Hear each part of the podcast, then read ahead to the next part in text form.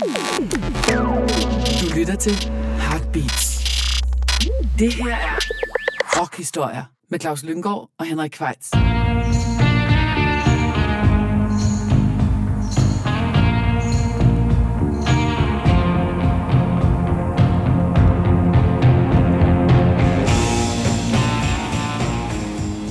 Så det sørme blevet tid til endnu en gang rockhistorier. Og vi har flyttet lokation, Claus. Vi har fået et nyt studie med... Det har vi. Det er ikke helt færdigbygget endnu, men det håber vi ikke, at vi kan høre på denne podcast. Men vi kan i hvert fald sige så meget, at udsigten er bedre, ja. end den var i det gamle studie. Vi er kommet til værs. Vi er på 8. etage øh, med udsigt over Sydhavnen eller noget af den stil. Øh, det er alt sammen nyt, øh, nyt byggeri det hele. Masser af kraner, men langt kan vi se. Det kan vi. Ja. Og i, vi skal også kigge lidt, lidt langt tilbage den her gang. Vi skal fejre en 70-års fødselsdag, Claus. Det skal vi. Sådan lidt forsinket måske. Øh, Vi skal fejre, at David Byrne han blev 70 tilbage i maj. Og David Byrne var jo i mange år frontfigur i et band, som vi to begge to holder meget af. Talking Heads. Ja, og det er dem, vi koncentrerer os om den her gang. Ja. Han har jo også haft en fin solokarriere efter Talking Heads, men det må blive en anden gang. Ja, det er også sige, at der er på grænse for, hvor meget vi kan proppe ind i sådan en podcast her. Men lige par ord om manden selv. Han er nemlig født i Skotland, øh, men flytter så med sin familie til Canada, da han er to. Og så havner de så til sidst i USA. Hans far er ingeniør og får så arbejde i delstaten Maryland, hvor han jo så øh, vokser op. Og han skulle så efter, tos, efter sine have været vild med både musik og øh, elektronik, lige fra han var ganske lille, spillede først trækharmonika og lærte sig selv at spille på guitar. Og så havde han en onkel, som modificerede hans spolebåndoptager, så han kunne overdubbe. Så han har været tidlig ude med sådan øh, eksperimentere med lyd og med musik. Ja, det er sjovt. Nu siger du jo, David Byrne var fra Skotland. Det er jo ret sjovt, fordi Talking Heads er på mange måder sådan det arketypiske New Yorker band, ja. men ingen af de fire medlemmer kommer jo faktisk fra New York. Med rigtig mange arketypiske New Yorker band. band. Ja. Altså television for eksempel, de kommer jo heller ikke fra. Nej, det er, vel, det er vel faktisk egentlig kun, hvis vi snakker om de der første punkbølge, så er det vel nærmest kun Ramones, som er, Ja. arke, Ja. som, som er fra New York. Ja, fra en af the borough, Queens, five ja, boroughs, ja. ja. Det er rigtigt. Øh, men det var jo, den trak jo virkelig der i øh, slutningen af 60'erne og starten af 70'erne, fordi at den var så, øh, det var stadigvæk en af verdens største byer, men den var så run down, så at man kunne bo meget, meget billigt i især de der meget populære lofts, som også Talking Heads jo slog deres folder i. De boede oprindeligt sammen. Øh, Chris Frantz, Gina Weymouth og David Byrne på et loft i, nede i en gade, der hed Ja. Christie Street. Christie De mødte Street. jo faktisk hinanden allerede i 1973 på Rhode Island School of Design, Ja, hvor hvad hedder det, Chris Frantz og David Byrne havde et orkester sammen. The Artistery hed det, Nej, hvor, Artistics. Artistics, ja, hvor hedder det, hvor øh, Tina Weymouth så var, øh, var chauffør for dem en Ja. gang imellem, og de blev så kærester, Tina og, Chris. og Chris, og så endte det med, at de tre sammen flyttede til New York i 1974. Ja. Og der danner de så et, et nyt orkester, kan ikke rigtig finde en, en bassist. Og så siger Chris til Tina, "Men du kan da bare, øh, du kan da bare lære at spille bas. Hun kan jo spille guitar i forvejen, Ja. så Og så får han, øh, det fandt jeg først ud af, da jeg skulle lave den her podcast, det er måske derfor, jeg holder så meget af Talking Heads. Nu har jeg simpelthen fundet nøglen, Claus. Hun lærte simpelthen at spille bas efter Susie Quattro-plader. okay. Ja. ja. Det kan jeg godt se. Ja. Ja, men altså, hun er jo en super, super øh, fin guitar. Som vi plejer at sige, det hele hænger sammen. Det gør det, ja. Men øh, før vi måske kaster os ud i den helt store forkromede fortælling, så kan vi jo godt afsløre, at de debuterede med en single i februar 1977 på pladeselskabet Sire, Love Goes to Building a Fire. Sådan ser det ikke ud. Den øh, titlen skrevet, det er Love og en pil, Building on Fire. Øh, Meget Headsk. Ja, det må man sige. Øh, som øh, vi lige vil fyre af som sådan en opvarmning, det er, da gruppen stadigvæk er en trio. Øh, den eneste indspilning faktisk med den oprindelige trio, øh, som Ja, keyboardspilleren og guitaristen Jerry Harrison er ikke kommet med endnu. Nej. Men inden vi kaster os ud i alt det, skal vi så ikke høre Love Goes to Building on Fire, der som sagt blev sendt ud som single i februar 1977.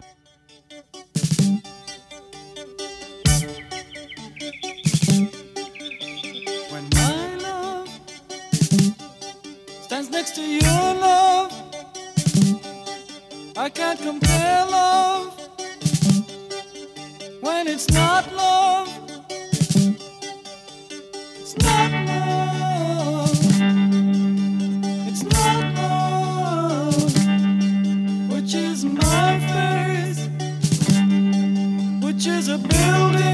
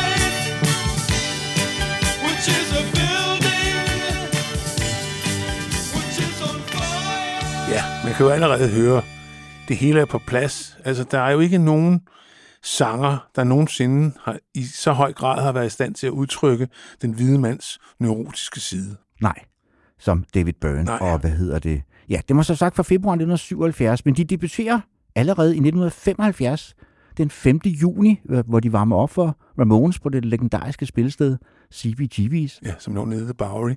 Ikke så langt fra, hvor de havde deres loft faktisk, øh, der på Christie Street, som ligger mellem Lower Manhattan og Chinatown, lige der på grænsen mellem de Og to der spiller de så ret jævnligt, og der kommer rigtig mange og hører dem og bliver meget begejstrede. Blandt- Blandt andet en vis Lou Reed, Ja. som øh, tilbyder dem en pladekontrakt, og han vil gerne producere deres første plade.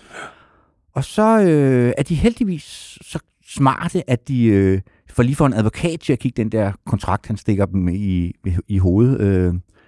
Og det var nok meget klogt, fordi hvis jeg skrev under på den der kontrakt, så havde Lou Reed ejet råb af deres øh, indtægter. Ja, og deres navn og Ja, det ja. hele.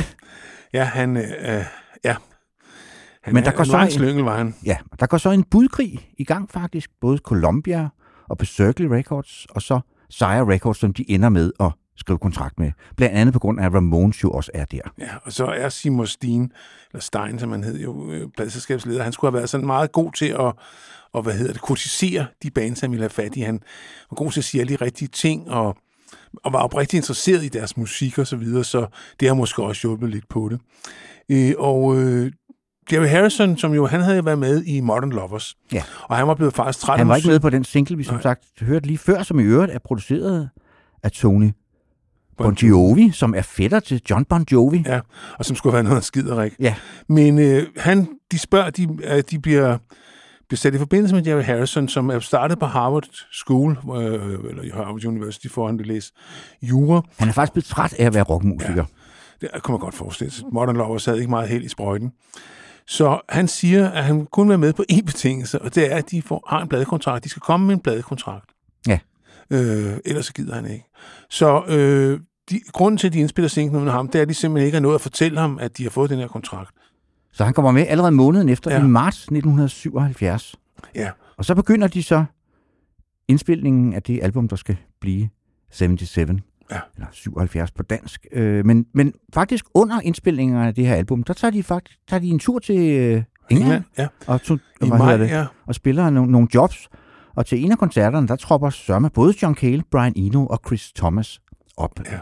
Og de vil egentlig rigtig gerne have Chris Thomas til at producere debutalbummet, men han er optaget til anden side. Ja. De kommer virkelig ikke godt ud af det med Bon, øh, bon Jovi der. Øh, han skulle også have været meget nedladende over for Tina øh, Weymouth og fornærmende og uinteresseret. Så de siger senere, at teknikeren et Stasium i virkeligheden var ham, der øh, fik det hele til at falde på plads. Og David Byrne ville simpelthen ikke synge sine vokaler ind, hvis Tony Bon Jovi var der.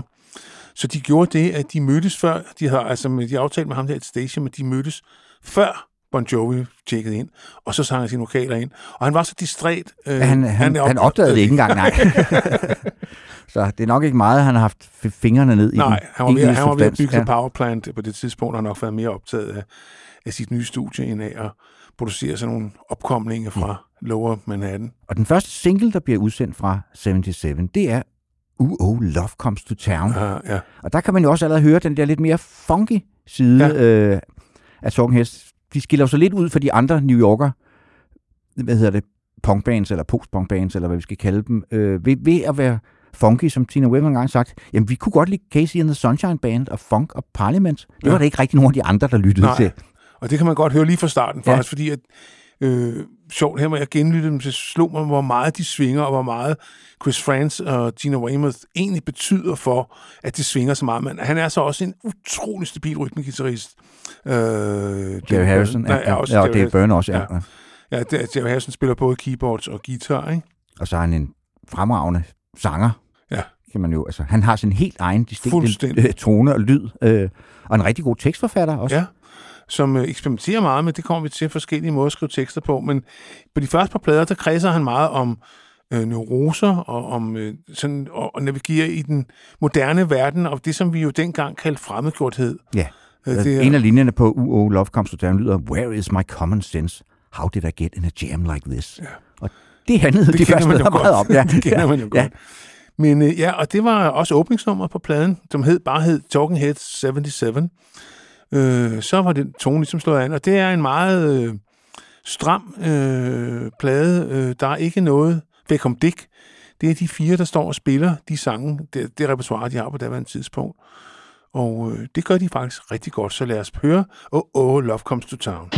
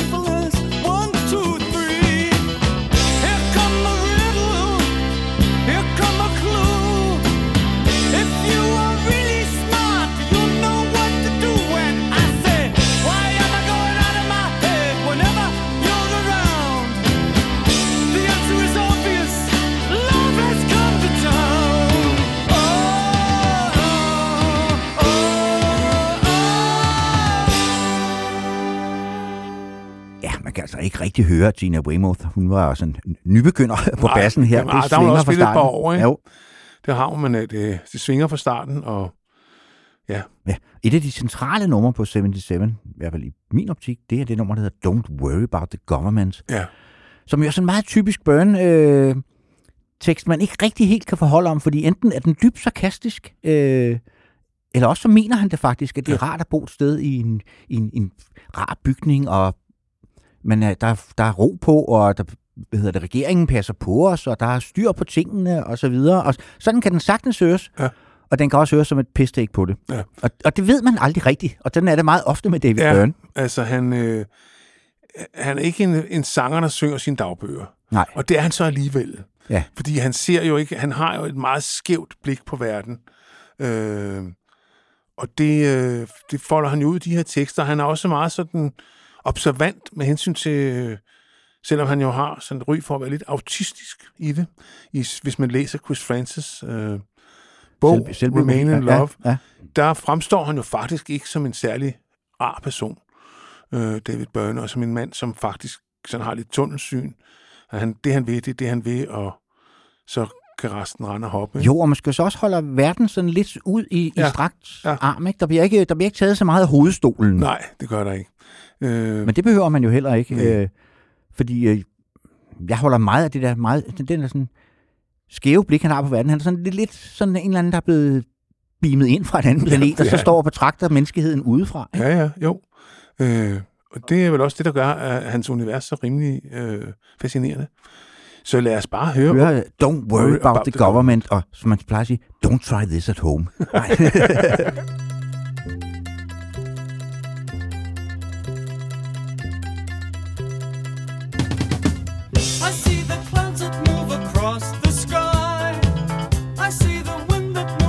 clouds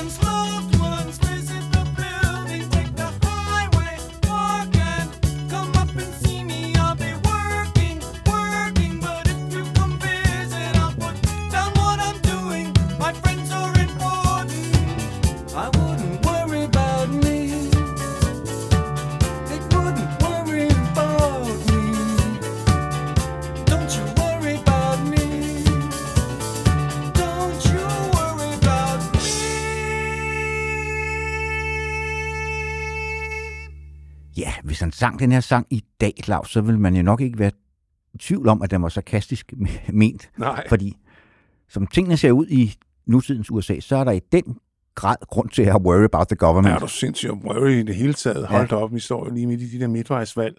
Det er noget af en gyser. Der får vores eget nu nys overstået folketingsvalg til at ligne det rene, harmoniske, øh, ja, rene harmoni. Ja. Men i 1977, der var verden stadigvæk ung og frisk. Ja. I hvert fald. Vi var i hvert fald. Ja.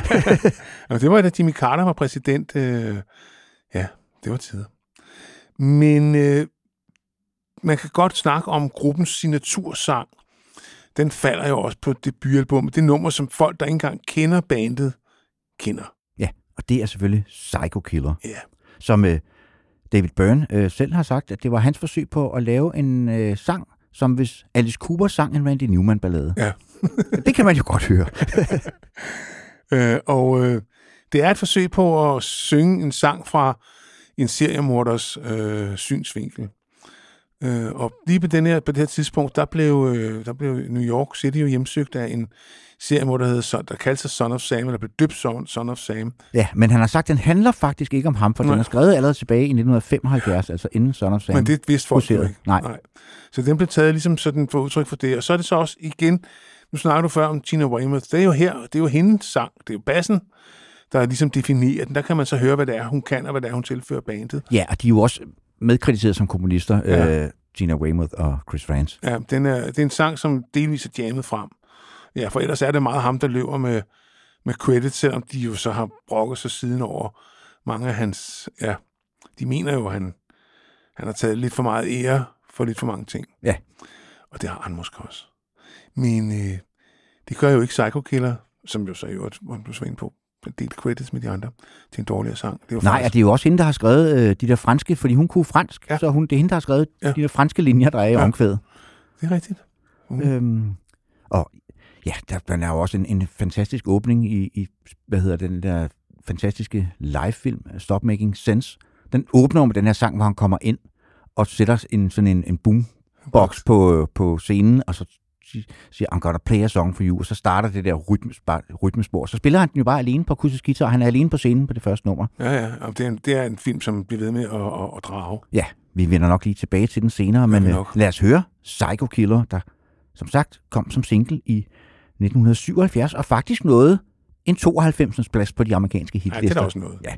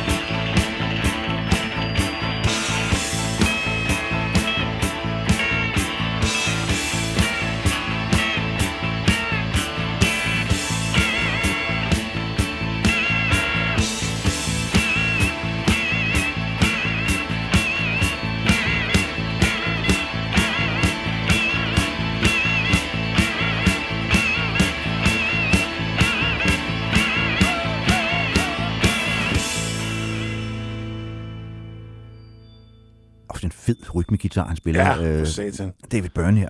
Der er virkelig, det er virkelig kul på. Og det er også et nummer, som hvis man har det rette publikum på dansegulvet, så kan man godt få dem ud og, og svinge øh, goggeletterne til, til den her. Den, øh, den, man kan godt danse til den. Ja. Men øh, så er det jo, at øh, Så sker der noget ret vigtigt i historien ja. her. Brian Eno, Cale og Eno er jo oppe og skændes om, hvem af dem, der skal producere dem. Men Eno Ja, John. Cale, han mener jo, det er hans band. Ja, han har set dem. Han har bor jo i New York på det Ja. tidspunkt, og han har kom jævnligt på CBGB's, han har produceret Patti Smith, og jamen altså, han, det var hans turf. Ja, og Brian Eno er jo så i New York på det her tidspunkt for at lave den plade, der endte med at blive No New York-pladen, hvor han, hvor han skal samle navne som Contortions og hvad de hed. hele det DNA der. og Ja, Mars. Og, ja. Sådan en bestillingsopgave for pladeselskabet Island, øh, Ja. og, og ligesom dokumentere den scene. En plade, som er rigtig god til at få gæster ud af, af døren med. Ja. Vi holder meget af den. Og, Øh, Men han bliver så producer på deres andet album. som bliver delvis indspillet i de der Compass Point Studios på Bahamaøen. Det kan man så overhovedet ikke høre. Nej, der er ikke meget Bahama over den. Han har jo allerede hyldet dem øh, året for inden, Brian Eno, på det nummer, der hedder King's Let Hat, som jo er sådan et anagram Ja. for, øh, for Talking Heads. På Before and After Ja. Science. Ja. Øh, ja, han, Så er han har allerede lagt billet ind der. Ja, ja. Jamen, det er altid godt ligesom at, og hvad hedder det? Ja, pay, pay your respects. Øh, og han indspiller så øh, den plade, der kommer til at hedde More Songs About Buildings and Food, hvilket jeg synes dengang var en... Fantastisk titel. fantastisk Og titel. Det, det er faktisk Tina, der har fundet på den, fordi øh, hun sidder på et tidspunkt, når de skal have en pladetitel, de har havde brugt rigtig lang tid på at finde ud af, at den første den skulle hedde 77. Øh, men det var så det, de endte med. Så, så, ja, hvad kalder vi så endnu en plade om, hvad hedder det, med sange om øh, Bygninger bygninger og- og mad? Ja, den skal selvfølgelig bare hedde More Songs About Building and Food. Ja. Det er rigtigt. Og, det, øh, og sådan er det jo tit med sådan noget, at det opstår altså, ud af et, altså man griber noget i luften, ikke? Nogen fyrer noget af, og så er der Jo. nogen, der er hurtige og siger, den snupper vi, ikke? Og et super fedt cover, hvor der er sådan 529 puller ud billeder af dem, som så er lagt sammen til sådan en mosaik, hvor det så bliver dem. Og det var, jeg kan stadig huske, da jeg så den plade første gang, det var sådan en plade, jeg tænkte, det er en god plade, det Ja. ja. her. Det var den første plade med Tunghead, som jeg købte. Men øh, det er også en plade, som øh, årene har været rigtig gode ved. Det er sådan en slags tra- øh, transition-plade, for det er stadigvæk øh, samme metode, som der er på den første plade. Det er nogle stramt arrangerede sange. Øh, det er de fire musikere, der spiller dem. Men og man kan godt høre, Ino, han, Ja. øh, han leger lidt han er med, tingene. så ja. der er, han spiller både lidt keyboards, og så er han selvfølgelig inde og, og behandle, treate deres øh, indsatser. Så den er lidt mere legesyg end, øh, end øh, debuten. Men vi skal i hvert fald høre Stay Hungry fra More Songs About Building and Food, som er skrevet af David Byrne og Chris France i, i fællesskab. Ja. Og sjovt nok, så, øh, fordi det er jo egentlig en ret skæv plade, så nåede den top 30 i både England og USA. Ja, men altså, der var en vis, begyndte at være en vis lydhørhed for de nye toner fra både England og USA på det tidspunkt. Folk trængte til noget nyt, tror jeg. Ja, Og så sådan. var vi jo også begyndt at tjene penge, ikke? Så Jo, vi, så vi have råd til at købe plader. Ja, ja.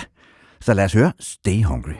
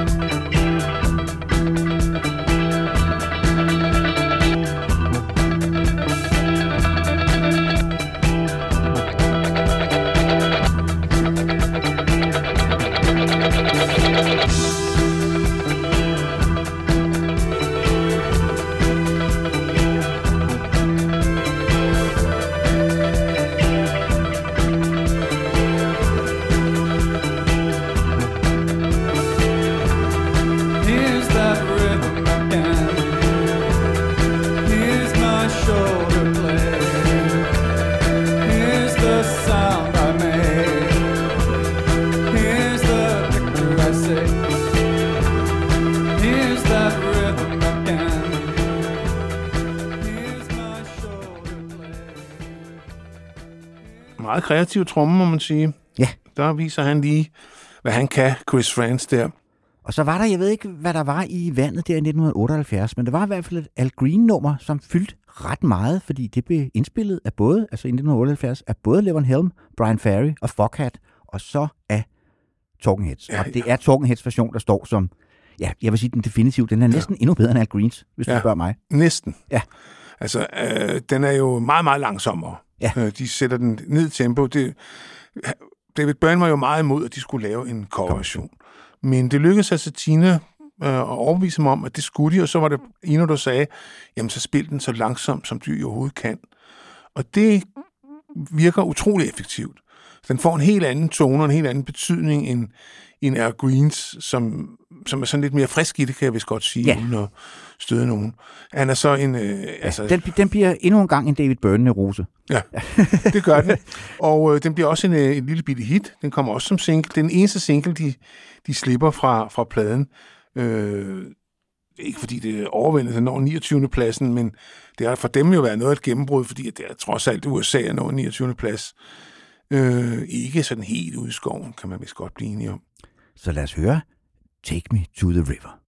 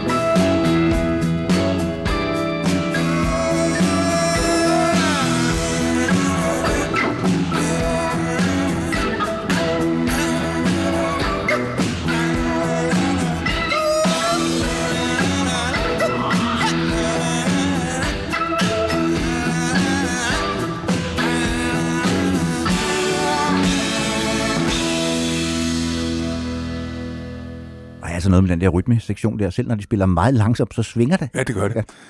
Det er, det er faktisk en, der har været sådan lidt en åbenbaring for mig at høre, høre hele værket i, i streg, fordi at øh, man bliver imponeret over, hvor tæt lille orkester de altså er lige fra starten. Og det er jo så også det album her, More Songs About Buildings and Food, der gør, at de får en kontrakt med Roskilde Festival, hvor de spiller i sommeren 1979, hvor vi jo ser dem første Nej, gang. jeg, jeg er ikke på Roskilde Nå, 79. jeg så dem første gang. Bittert, men så, øh, Øh, og sidste gang, for jeg tror, det var den eneste gang, de var i Danmark overhovedet. ja, de var der ikke med den der... Øh, De var der ikke med det fulde line-up, Nej, som vi kommer ind på jeg tror ikke, de senere. kom til Danmark. De spillede i Europa, men jeg tror ikke, de var i Danmark. Det var de ikke. Det Så havde jeg set dem. Ja, det tror jeg så også, Ja. Så, Og der var det nye album, det der hedder Fear of Music, det var ikke kommet på gaden endnu, så vi, jeg kendte ikke de sange. De Nej. spillede en del af dem på, på, fest, på festivalen, men man havde jo ikke hørt dem endnu. Nej. Men man kunne godt høre, nu var der sket et skift. Ja.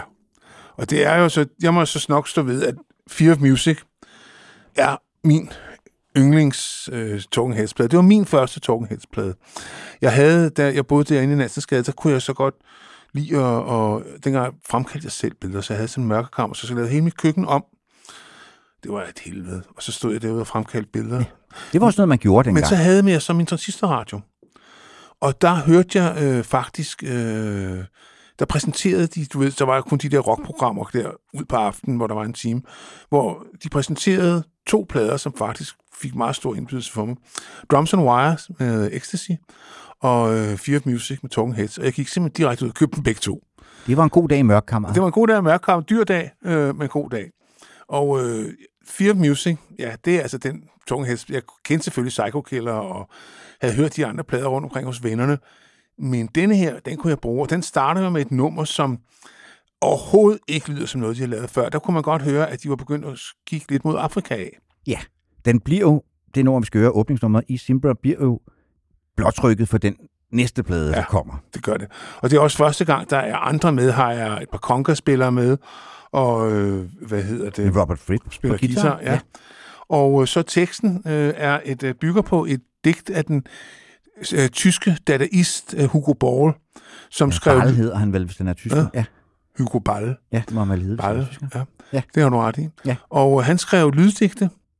Gucci Bera Bimba hedder det, det Ja. ja. som, som, som David Byrne fremfører her. Ja øh, som i, den, i sin tid så ikke blev akkrediteret, men det var altså så, nogen, der opdagede, så de måtte ligesom krybe til kors og sige, det var ikke, det var, selvom det lød godt, var det ikke ham, der havde fundet på det.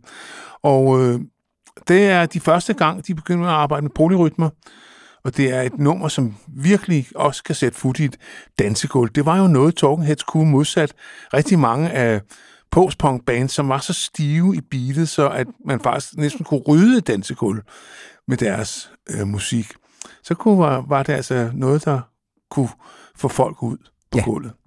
Og det her nummer især, vil jeg sige. Ja, så lad os høre i Simba fra Fear Music, der på mange, for mange folk, det er sådan kondisørs yndlingsplade Ja. med, med, med Talking Heads, så jeg holder også rigtig, rigtig meget af den. Det er også en plade, som handler enormt meget om tekstur, Ja. og det går helt ned i coveret, som der også er sådan... Øh, som Det er minder der. om sådan en, en rest, man lægger hen over... Øh, altså, det er sådan, den har sådan et mønster. Ja, det sådan skal den have. Altså, man skal ikke købe det billige genoptryk. Man skal have den med det der... Øh, mønster på, som, Ja. ja. som ligner som samme mønster, som er på sådan nogle metalplader, man læ- læ- lægger oven på sådan nogle skakter og sådan noget, som Ja, lige falder ned Ja. i dem. Ja. så man står, også kan stå fast på, Ja. hvis vejret er dårligt. Og titlen Fear of Music, det er, hvis noget, David Byrne har opfanget fra en eller anden, øh, hvad hedder det, lidelse. Øh, folk, der lider af epilepsi. Øh, der er nogen, der ikke kan tåle at høre musik. Nå. Det, det udløser anfald. Og det må Øh, så er det ja. sgu svært at navigere i verden. øh, Hold da op. og det havde han så læst om i en eller anden bog, og det var, brugte man så betegnet Fear of Music, så tænkte han, det var en god titel. Det synes jeg også, det er. Ja. Så lad os høre i Simbra.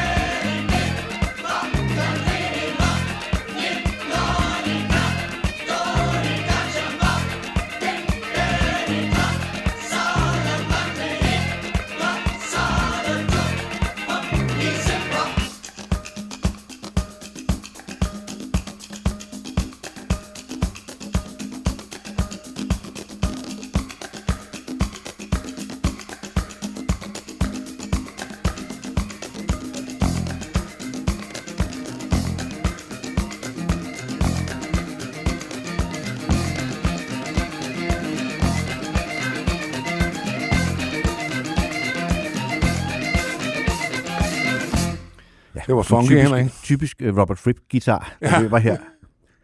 Den er helt vild. Han, han kan også svinge, åbenbart. Ja, det er ikke det første, man egentlig tænker på, Nej, når man tænker på men han er god til, altså han er altid god til, at, når han er gæst, så ligger han så ind under verden, kan man sige, ikke? Og, øh, Jo, har også gjort det med David Bowie flere gange. Ja, flere videre. Så Han, han, han indordner sig under det univers, han nu bliver hyret altså, til. Ja. tryllestøv ud over Og lægger jo alligevel sin egen signatur, fordi man kan altid høre, når det er ham. Der er ikke Ja. rigtig nogen andre guitarister, der lyder Nej. som, øh, som Robert Fripp. Det skulle lige være Edwin Ballou, som støder på Ja, senere. som er vel lær, lærling. Ja. Men han har jo også opfundet, altså navnet, det er jo Frippertronics. Det er jo hans, hans stil, det har han selv fundet på, men Ja. det lyder godt. Og ham og Ino lavede jo også en, en del plader sammen, eller i hvert fald et par øh, Ja. ja. stykker. Så, så det er måske også derfor, at Ino lige har hyret ham ind her, fordi de Ja. ja. alligevel leget sammen. Ja, han har måske lige været i byen. Altså, der, er- jeg tror, der er mange tilfældigheder i sådan noget her. Det tror jeg, du har fuldstændig ret i. Og så skal vi gøre en lille undtagelse her i rockhistorie, fordi vi skal spille et nummer, vi har spillet før. Ja, Live During Wartime, øh, som kom som single i 1979, og jeg går ud fra, at det er vores 1979-program, vi har spillet. Jeg kan faktisk ikke huske, hvornår. men Jeg, kan bare huske, at vi har var, spillet var det det før. ikke, da vi spillede vores antikrigs... Jo, det, kan, jo, det har det måske nok også været. Jeg kan ikke huske det, men vi gør en undtagelse, Fordi det er så godt et nummer, og det Ja. er vi nødt til simpelthen at have med. Det er selvfølgelig Live During Wartime, vi snakker om. som er en fantasi, øh, han havde der, hvor han boede, hvor han kiggede ud på gaden og, tænkte, og, og kiggede og tænkte, hvis der var krig, tænkte han, hvordan, hvad skulle jeg, hvordan skulle jeg navigere i det her, i det her, i det her bylandskab? Så det er sådan en byggerilja, Ja. han, der lever Og en mand, der er på flugt, Ja, han lever har flere pas, og, og- og, og der er vist ikke no nightclub, vist ikke no Uh, CBG's. nej. Det er, ikke, det er ikke rart. Nej. Og øh, Og det er et nummer, som, som også er blevet jammet frem, så det er kritiseret til alle fire i Talking Heads, men det blev det først efterfølgende, fordi da den her plade kom, Ja. ja. hvis man først trykket, så står der David Byrne på alle kompositionerne, ja. men der rakte de andre altså hånden op og sagde, ah David, Ja. ja. den, da de så pladen, det går altså ikke. Nej. Vi vil faktisk altså, så de har fået krediteringer på det flere er af ligesom med Hugo, Bo, Ja. Hugo Ball, Ja. og Ino var jo faktisk også, blev også akkrediteret på i Simpler. Og så. Ja. så der måtte han for første gang bide det sure æble. Men øh, ja, lad os kaste os ud i Life During Wartime. Heard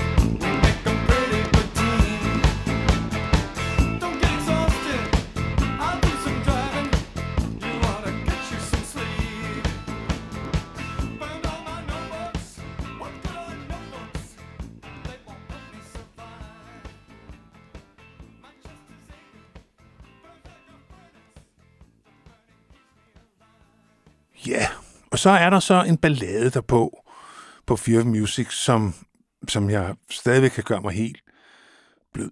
Ja, det er nummeret Heaven, vi Ja. skal høre om. Og kan man lyde både ligeglad og desperat på en gang? Det kan, Det kan man så godt, hvis man er David Byrne. For det gør han på det her nummer.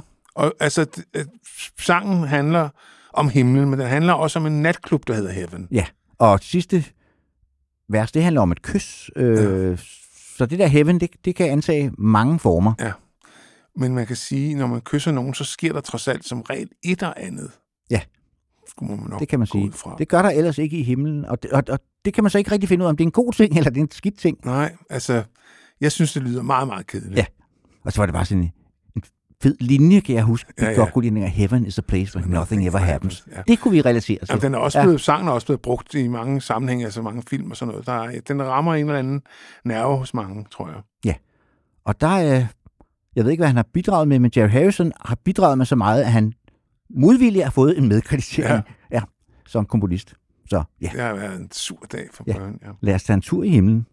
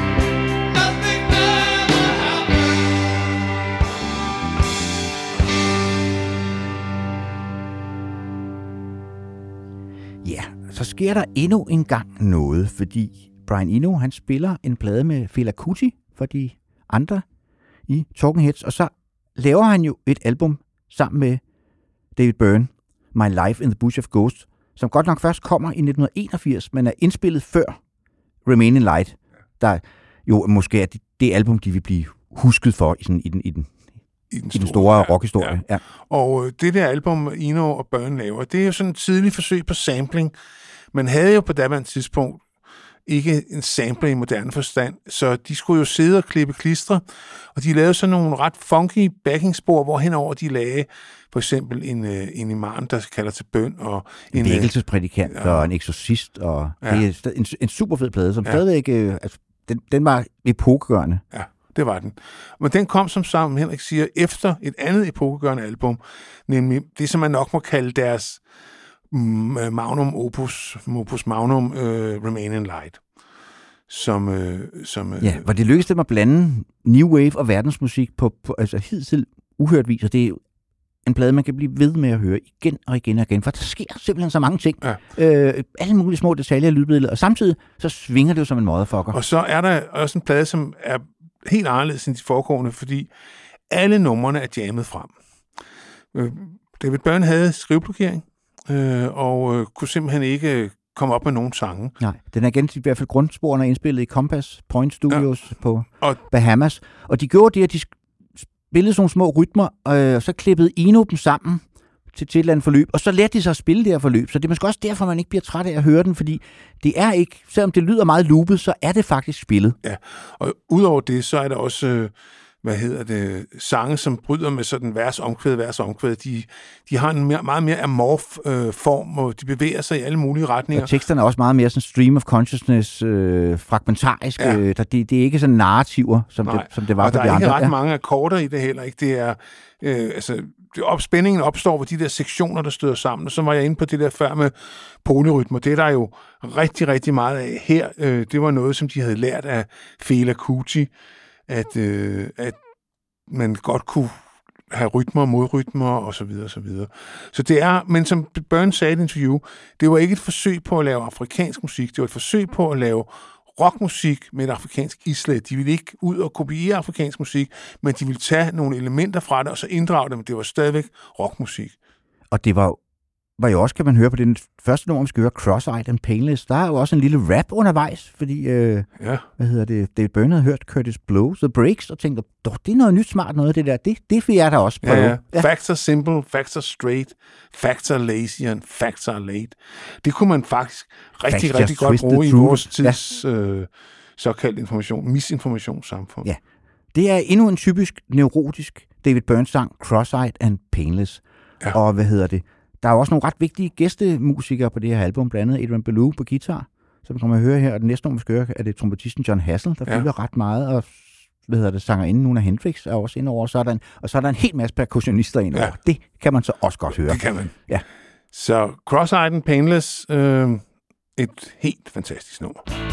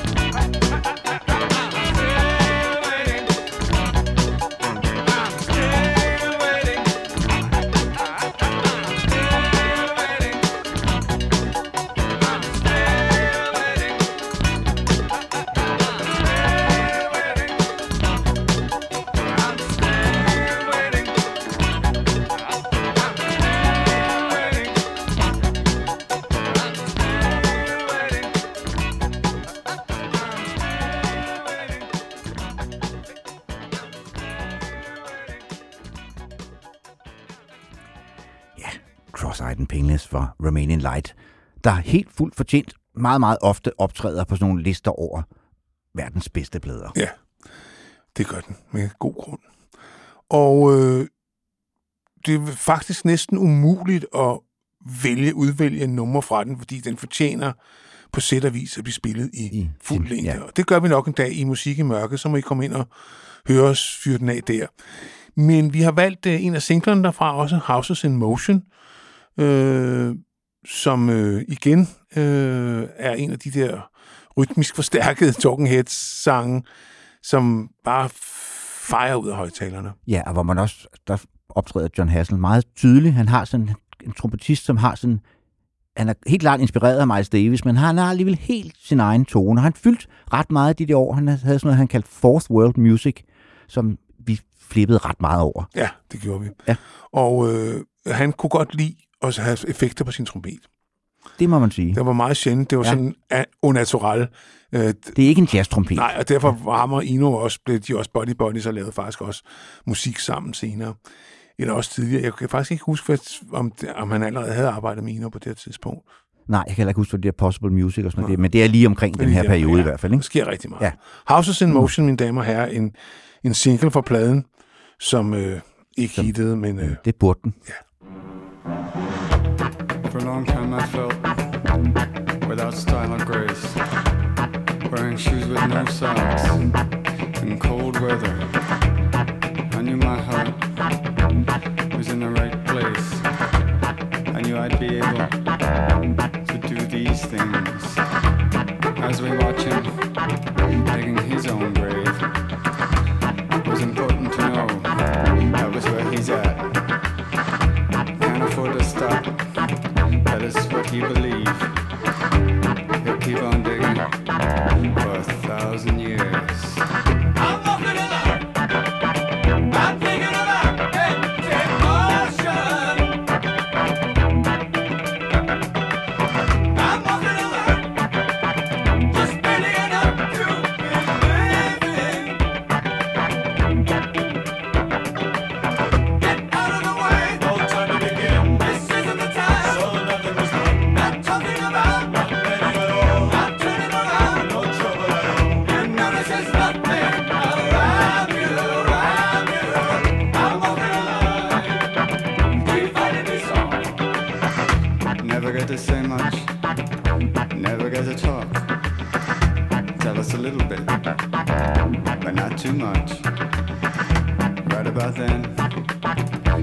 It's where she give up.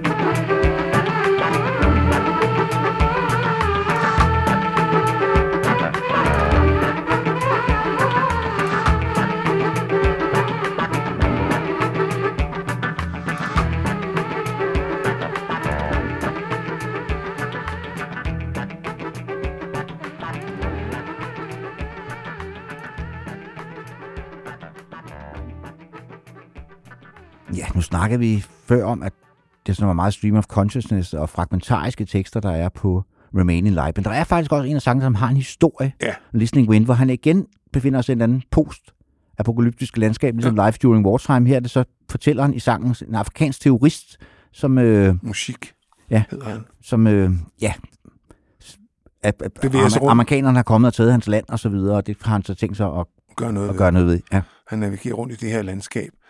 Øh, og øh, det har jeg engang prøvet at spille med et band, fordi den er til synligheden ret enkel. Det er Don't try ikke. this at home. Men øh, Listening Wind hedder nummeret, og det er jo også igen den afrikanske indflydelse, der måske står allerstærkest igennem i historien her. Ikke så meget måske, nogle af de andre numre er måske sådan mere afrikanske i deres Ja, det er det, der er sådan lidt sjovt her. Det, altså, som tekstmæssigt er det mest afrikanske nummer, Ja. ja. men, men mu- musikalsk er det det mindst afrikanske på og pladen. det er faktisk en meget smuk melodi også. Så Listening Wind, sidste nummer, vi spiller fra Remain in Light, men som I jo godt ved, den bør stå i et hvert hjem med respekt for sig selv. Så det er jo bare en at sætte den på, når I har Ja, hørt Og podcasten. så kan man også lige øh, nyde Edvin Belows guitarspil ja, her på kan man altid. Listening Wind. Ja.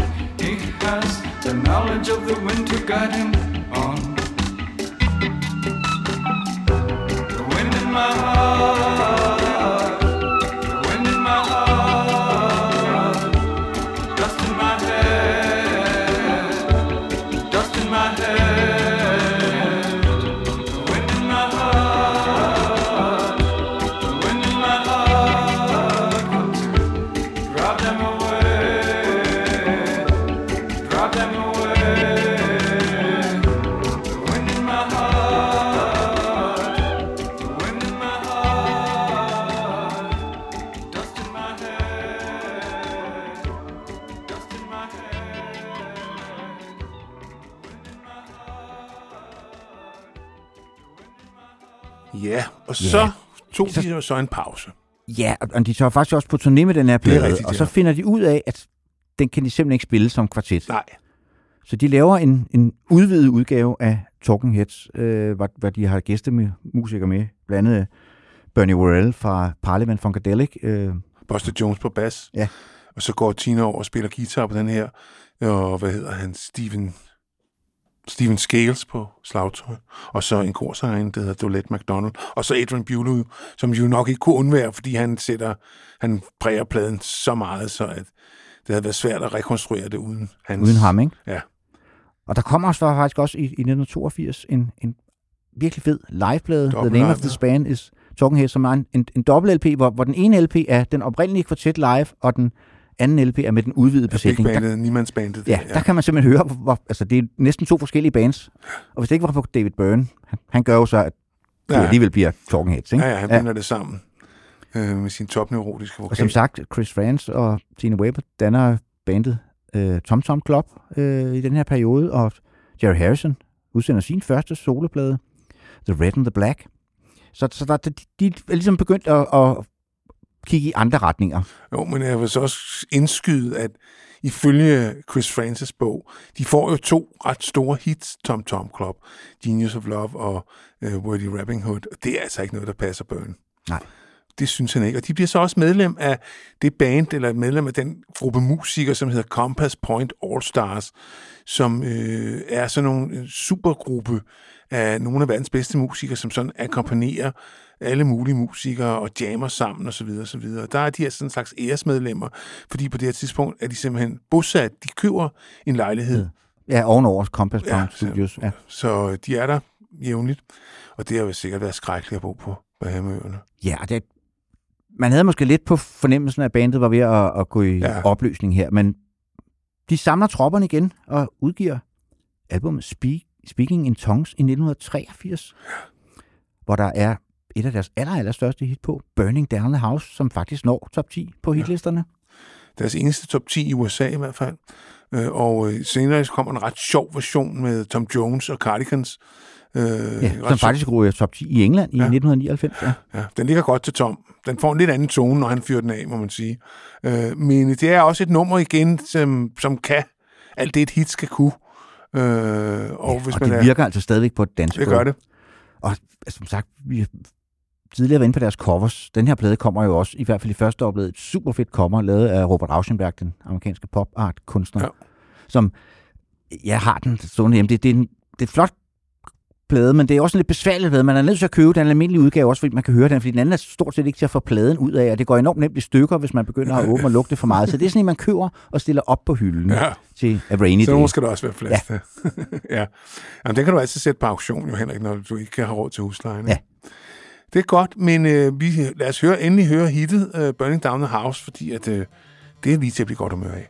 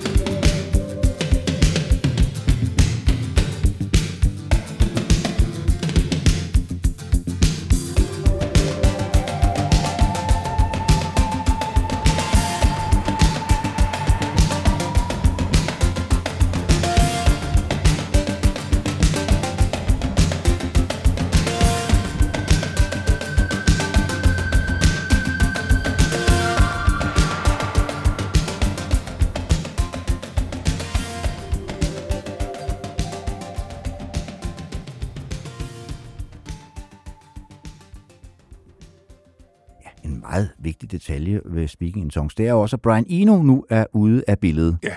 Den er produceret af Tonguehead selv. Ja. Øh, og det var blandt andet, fordi der skete en forskydning. Altså, Byrne og Eno fungerede rigtig, rigtig godt sammen, men øh, han havde det ret svært med Chris France og Tina Weymouth, kan Ja. man forstå, hvis man læser eftersøgningen. Så, så, så jeg tror, det var dem, der arbejdede på, at Eno han, Ja. han skulle være, ikke være med, hvis de skulle samles igen. Nej. Men så skete der det helt unikke, at David Byrne skrev en rigtig kærlighedssang. Altså, en, en, som ikke var ironisk eller, Eller eller skæv. Eller Fremmedgjort. Nej, eller... Det var hans forsøg på at skrive en oprigtig kærlighedssang, Ja. ja. har han sagt, men prøver at undgå klichéerne. Ja. This must be the place, og så i, i parentes naive melody. Han alligevel skulle lige skulle dække sig ind med den der parentes der. Altså, han godt vidste, at, at jamen, det er lidt naivt, det her, og så videre. Og det er en af hans, faktisk en af de smukkeste sange i, i, i Talking Heads. Jo, den er også meget enkel. Det er måske også derfor, den har øh, den der undertitel Naive Melody, fordi det er en meget naiv melodi, kan vi godt sige. Det er en meget enkel sang, og den er meget smuk, og der er ikke så meget mere at sige om den anden, end at En, en hvad hedder det, floskelfri kærlighedssang fra David Byrne. This must be the place.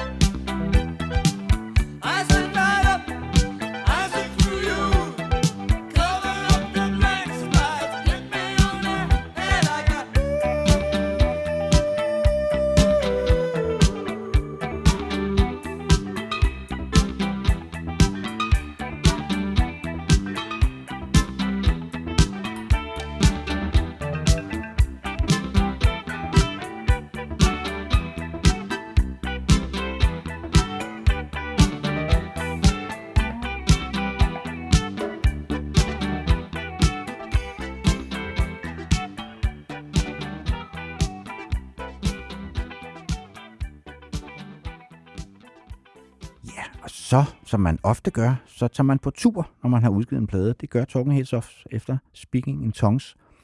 Og det skal så vise sig faktisk at blive deres sidste turné. Men til gengæld så giver de den altså på alle kontakter. Ja, og de har hyret heldigvis også en instruktør eller en fotograf, Jonathan Demme, til at, at dokumentere løjerne. Og det kommer der jo en helt fantastisk koncertfilm ud af. Stop Making Sense. I mangens optik den bedste koncertfilm, der nogensinde er lavet, og det vil jeg egentlig ikke opponere imod. Den er i hvert fald svær at, svær at komme i tanke om en, der matcher det. Men det skyldes også hele koreografien. At øh, den er helt vanvittig, fantasifuldt koreograferet. Øh, Børn får lov til at køre den visuelle side af sagen helt ud. Øh, det er der, hvor han optræder i sit forstørrede jakkesæt. Ja, sådan en jakkesæt, der vokser i løbet af koncerten. Ligesom bandet også gør, fordi det starter med, at han kommer ind, og så kommer der en, og det kommer sådan ligesom et, et, et medlem på øh, for, for hver nummer. Øh, og det fungerer helt fremragende. Upåklageligt. Ja, og det, og det virker som en skide god koncert, men den er jo så faktisk optaget over tre koncerter, fordi for at der ikke skulle være så mange kameravinkler, der skulle forstyrre dem på scenen, så laver de en koncert, hvor de spiller, øh, hvor, hvor kameraerne er langt fra, og så et, hvor der er kamera på scenen, og så et, øh, hvor der er kamera et tredje sted, og det er så klippet sammen, og det kan man altså overhovedet ikke se. Nej, det er sgu godt gået. Ja. ja. Så de må have spillet, de der koncerter har været ret identiske, fordi, for, for at de kan ja. klippe det sammen. Ikke? Ja. Øh, og der har vi også valgt et nummer fra, som, øh, Ja, for det kom så også som, som, som liveplade, Ja. der også bare hed Stop Making Sense, som, som er en som er sådan en forkortet version. Men så ja. Kom CD'en, og så fik man så hele koncerten. LP'en er, er den forkortet. Det bliver den jo ikke dårligere af, synes jeg. Nej. Og hvis man købte den lige da den kom, så fik man en meget overdådig booklet med, og der, der blev ikke sparet på noget der. Øh, Og der havde de jo så skiftet pladselskab i øvrigt også. De var kommet over på EMI i mellemtiden, øh, efter de havde været på sejre i mange år, og de har sikkert fået et bedre tilbud. Og de udsendte faktisk et par singler derfra. En af dem, det er et nummer fra øh, Speaking in Tongues, Girlfriend is Better, som, øh, som virkelig fungerer godt øh, live, synes Ja, jeg. Og- det fungerer faktisk endnu bedre live. Ja, det gør det. Det får noget liv, Ja. som det måske ikke helt har på øh, øh, Og det er så også, øh, det er så også XL-udgaven af Talking Heads, der spiller her. Ja. ja. Så lad os høre Girlfriend is Better.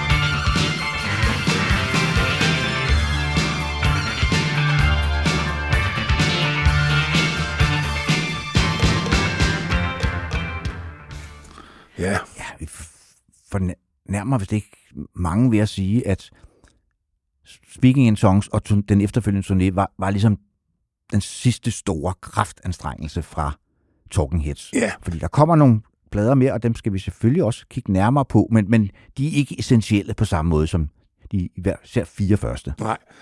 Og især den, der, eller de følge- efterfølgende to, vil jeg sige, er mest for ligepaver. De laver en plade, som hedder Little Creatures, som, og det er jo sådan, det, øh, det spiller deres mest solgte og mest populære plade nogensinde har solgt over 2 millioner eksemplarer på verdensplan.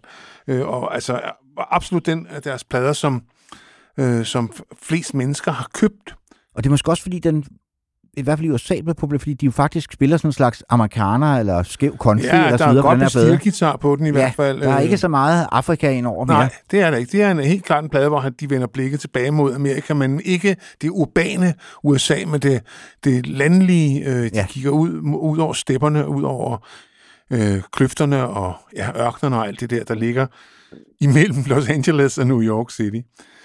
Og øh, der er sikkert folk, der synes, at det her er et mesterværk. Det synes vi ikke. Men der er et nummer der på, som, som har stået, som står, har klaret tidens tand rigtig godt. Ja, det, er- det er vel, kan vi godt sige, en glad sang om verdens undergang. Ja, det var, Og det har var, vi jo brug for en gang Det var imellem. hans intention. Ja. Kan man skrive en, en positiv sang om altings afslutning. Og det kunne han. Øh, Road to Nowhere hedder den. Og den blev også et lille hit rundt omkring, 25. pladsen i USA. Og øh, ja, det er nok højdepunktet på Little Creatures. Nu har jeg jo genhørt den, jeg tænkte, det kan være, at, at årene har været gode ved den, fordi jeg har ikke hørt den i rigtig, rigtig mange år. Øh, det var sådan en plade, jeg simpelthen nogle gange glemte. Altså, Ja, hvor han er, normalt plejer at fare ud og tage mig i kraven og sige, hørte over efterdram, mand. Det er sådan en plade, jeg ved ikke, den smuldrer lidt mellem fingrene på en, synes jeg. ja, jeg, årene har ikke, synes heller ikke har været rigtig gode ved den. Øh, så man kan faktisk egentlig godt nøjes med at købe singlen Ja. Road to Nowhere. Så er man dækket ind. Det her er jeg helt enig med dig i. Den er til gengæld også god, så den synes jeg, vi skal høre nu. Give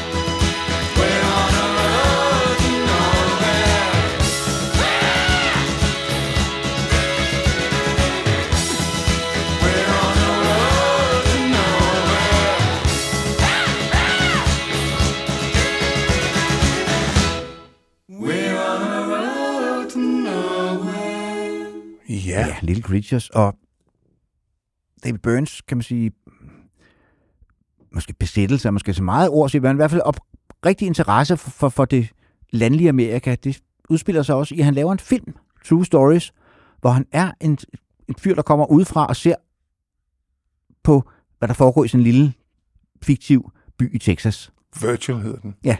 Og der optræder så forskellige personer. Altså, han har været meget inspireret af den amerikanske tabloidpresse, øh, som jo før øh, internettet ligesom havde, hvad skal man sige, øh, tog patent på ytringsfriheden til at skrive ting, som måske ikke altid var helt sande, Henrik. Nej, Og måske lige fik en tand til at måske brede en lille smule sensation og øh, så en anden form for clickbait, at det skulle som gerne kunne skrige til folk i kiosken, køb mig, køb mig, fordi at du ved, baby født med fire hoveder og sådan noget. Det kunne de godt lide sådan nogle historier. Elvis set i et supermarked Ja. i, i, i Wyoming og sådan noget. Ikke? Det kunne de godt lide sådan nogle historier.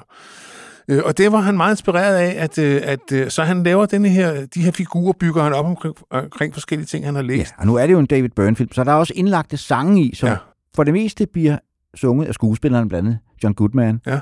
Øh, men Talking Heads optræder faktisk også øh, i, I filmen og spiller et, et, et nummer. Og der findes to versioner af soundtracket. Der findes filmsoundtracket, hvor øhm, dem, der synger det i filmen, også synger det på pladen. Ja, for det ikke skal være løgn, Claus, så findes der faktisk tre versioner. Oh, vel, hvad er så den tredje version? Fordi der findes som sagt den, hvor skuespillere, altså det man vil kalde the original cast, hvis Ja. ja. det var en musical. Øh, så findes der en, hvor det kun er David Byrnes score. Der er jo sådan nogle øh, instrumentalstykker, der binder det Ja, hele ja, ja. sammen. De er også udgivet separat. Okay. Og så kommer der det Talking Heads album, der hedder Two Stories, hvor Talking Heads spiller sangene fra filmen. Ja. Og øh, filmen blev ikke særlig godt modtaget i sin tid. Den er så sidenhen gået hen og blevet sådan en kultfilm. Film, ja. Og albummet blev heller ikke særlig godt modtaget. Og det forstår man også, fordi hvis du spørger mig, så er det nok det ringeste Talking album, det hedder Two Stories. Jeg tror desværre, du har ret. Øh, men der er gode ting på, og det er jo også skruet, hvad hedder skrevet sig ind i rockhistorien, fordi Two Stories, der er en sang på, der hedder Radiohead. Og ja. det var der så fire engelske fyre, der tænkte, det skal vi da hedde. Ja. ja. Så Radiohead har faktisk deres Ja, navn efter et nummer på den her plade. Det har de. Og som, øh, når man så hører det, så har det altså intet med Radioheads musik at gøre. Nej. Det er med trækharmonika, ja. de Ja. får derud af. Men det er lige meget. Der var en uh, single, deres sidste hit-single, der sidste gang, de uh, nåede op på hitlisterne. Det var en sang, der hedder Wild Wild Life, og jeg er bange for, at det også er det bedste nummer på, på pladen, Henrik. det er det. Ja. Så igen kan man altså nøjes med syveren, hvis man, øh, hvis man if one must own a piece of uh, true, Two Stories. Ja. Øh, så det kan vi hermed anbefale, men det er til gengæld også en dejlig sang. Så ja, lad os høre den. Wild Wild Life.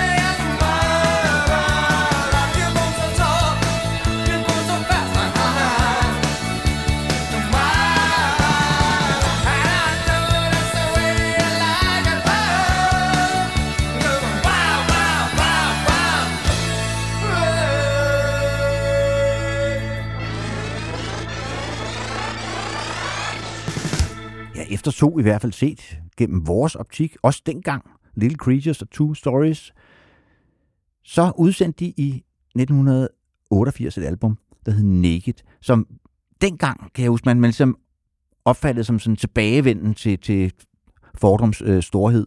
Også fordi de igen begynder at arbejde med den der polyrytmik og så videre. De, de vender ligesom tilbage til det, de vi der godt kunne lide. Ja, som, det vi godt kunne lide ved Talking Ja. Heads. men kun de fire. Ja.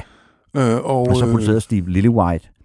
Og jeg, i forbindelse med den her udsendelse, så har jeg så genhørt pladen, for jeg har faktisk købt den dengang, jeg har faktisk beholdt den. Øh, det er jeg ikke sikker på, at jeg bliver ved med at gøre, Claus. Nej, altså den starter rigtig godt. Ja. Øh, Blind, altså det nummer, der kommer efter, der hedder Mr. Jones, som er en af de vildeste vokalpræstationer, han nogensinde har leveret. Øh, da, jeg, da jeg hørte dem, de to første numre, tænkte jeg, okay, jeg tog fuldstændig fejl.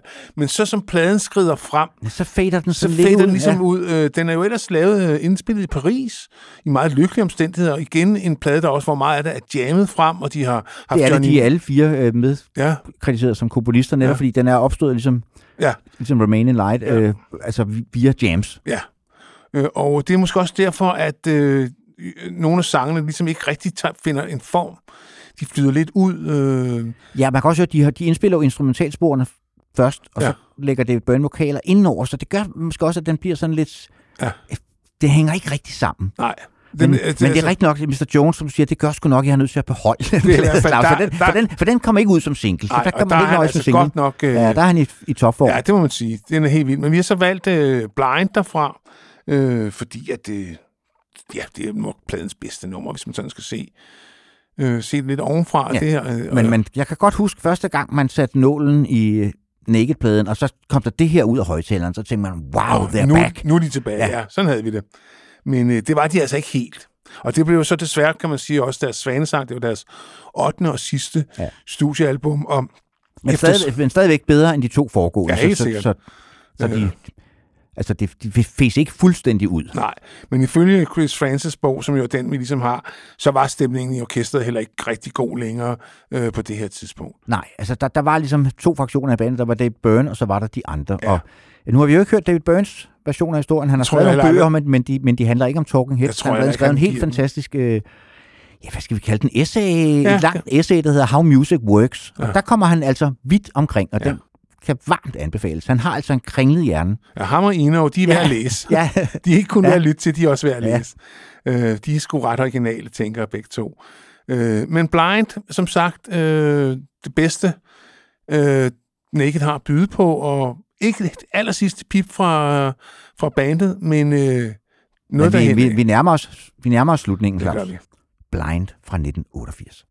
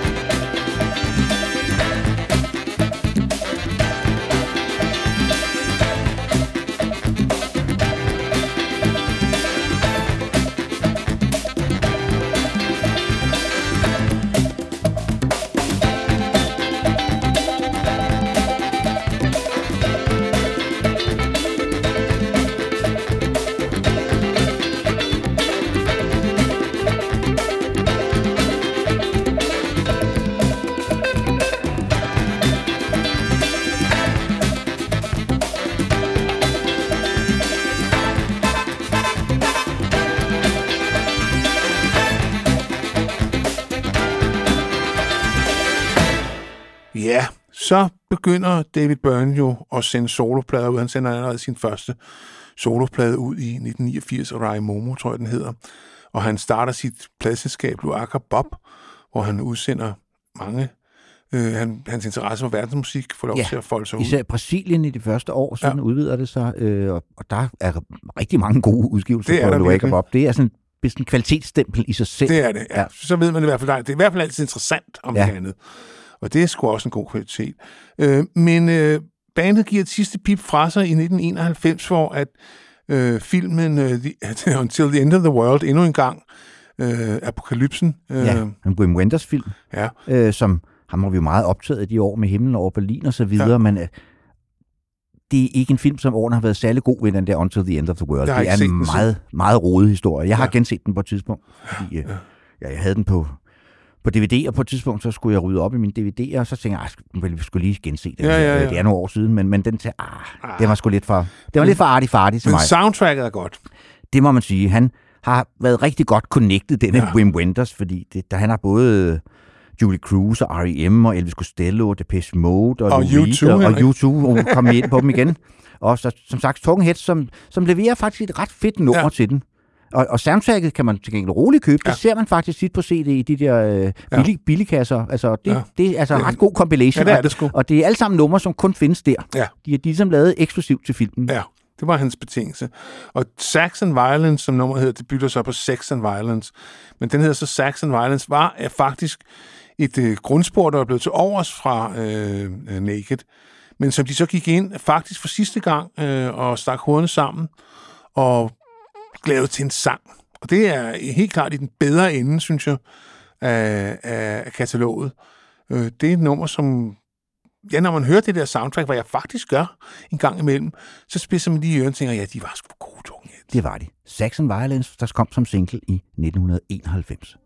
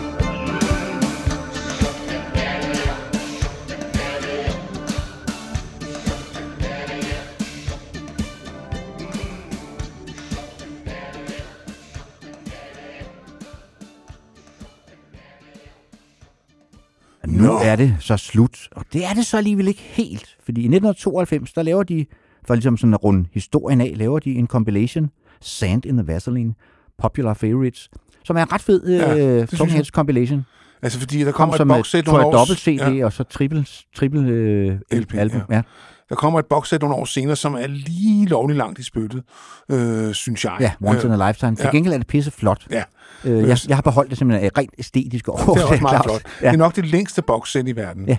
Øh, Altså ikke, ikke ti- teammæssigt, men, men sådan rent øh, Ja, ja, det er sådan det, lang- i, lang, i format. lang ja, ja. ja. Og øh, der får ligesom at, at Lokusan, det var jo før nettet, internettet, og man bare kunne downloade det nummer meget. For at Lokusan i butikken. Dem, som allerede havde købt det hele i Ja. forvejen, så lagde man tre ekstra numre ind, og det var altså ting, som havde ligget i skufferne. Ja, Øh, blandt andet det nummer, vi skal høre, Lifetime Piling Up, som også er et outtake fra, fra Naked-pladen. Og jeg er ikke sikker på, at de alle fire har været inde over at rense det op. Jeg tror, det er David Byrne selv, der har siddet og fiflet det her nummer færdigt. men det er i hvert fald vellykket. Ja. Det er øh, årgangs, øh, årgangs Talking Heads. Jeg synes, det, det hører til Ja. I kataloget. Og det er som sagt det sidste pip derfra. De tre af dem bliver jo så genudgivet under øh, navnet Shrunken Hits. Øh, og udgiver så et album i 1996 under navnet The Hits. No Talking, Just Hits. Og jeg må indrømme, den plade har jeg aldrig hørt, Claus. Nej, det er jeg ikke. Jeg tror, jeg havde den i hånden, men jeg tænkte, det gider jeg sgu ikke. Men med alle mulige gæstevokalister, blandt andet Debbie Harry og ja. Flere andre, der er inde og lægge vokaler på. så den, det, øh, den skriver vi ud af historien. Ja. Det tillader vi os. Ja. og Så for længe ligesom når David Byrne ikke er med, så er det ikke Talking Hits. Nej. Og nu, når vi nærmer os afslutningen, så skal vi jo minde jer om, at øh, det her jo er et brugerbetalt program, og øh, hvis ikke du allerede er medlem af vores lytteklub, Og tusind tak for dem, som allerede støtter så os. vi, Og det gør vi du jer. Det gør du ved at gå ind på heartbeats.dk, finde rockhistorier, og så er der sådan en rød knap, man kan trykke på, og så kan man vælge et beløb, der bliver lagt op, øh, hver gang vi lægger en ny podcast op. Og det gør vi jo desværre kun hver anden uge, øh, i hvert fald i en periode, fordi der simpelthen er så meget run på studiet, at vi kun kan få studietid hver anden uge. Ja. Så vi har endnu mere brug for jeres penge, venner. Ja, Ja. det har vi. Og øh, afslutningsvis, så skal jeg sige, at sidste gang de fire oprindelige medlemmer var i stue sammen, det var da de blev indlemmet i The Rock and Roll Hall of Fame i 2002, hvor de formåede at se bort fra deres uoverensstemmelser og optrådte og spillede tre numre her blandt selvfølgelig Psycho Killer, og siden har de fire vist ikke været i lokale sammen. Nej, Så det er 20 år siden, Henrik. Men øh, Lifetime Piling Up, men i de, i, i de gyldne år, især de fire første plader, det er alle fire plader, som sagt bliver bestående i et hvert hjem med respekt for sig selv, og i øvrigt er, er fast bestanddel af rockhistorien. Altså Ja, det det, det er, der, der skriver de sig ind i, i historien som et uomgængeligt band. Helt sikkert. Og øh, jamen, tak fordi I lyttede med, og vi slutter med et nummer, som... Lifetime Piling Up, som, som som sagt er den sidste krampetrækning, men det lyder heldigvis ikke sådan. Nej, det her er et virkelig fint nummer. Ja. Så på genhør og have det godt.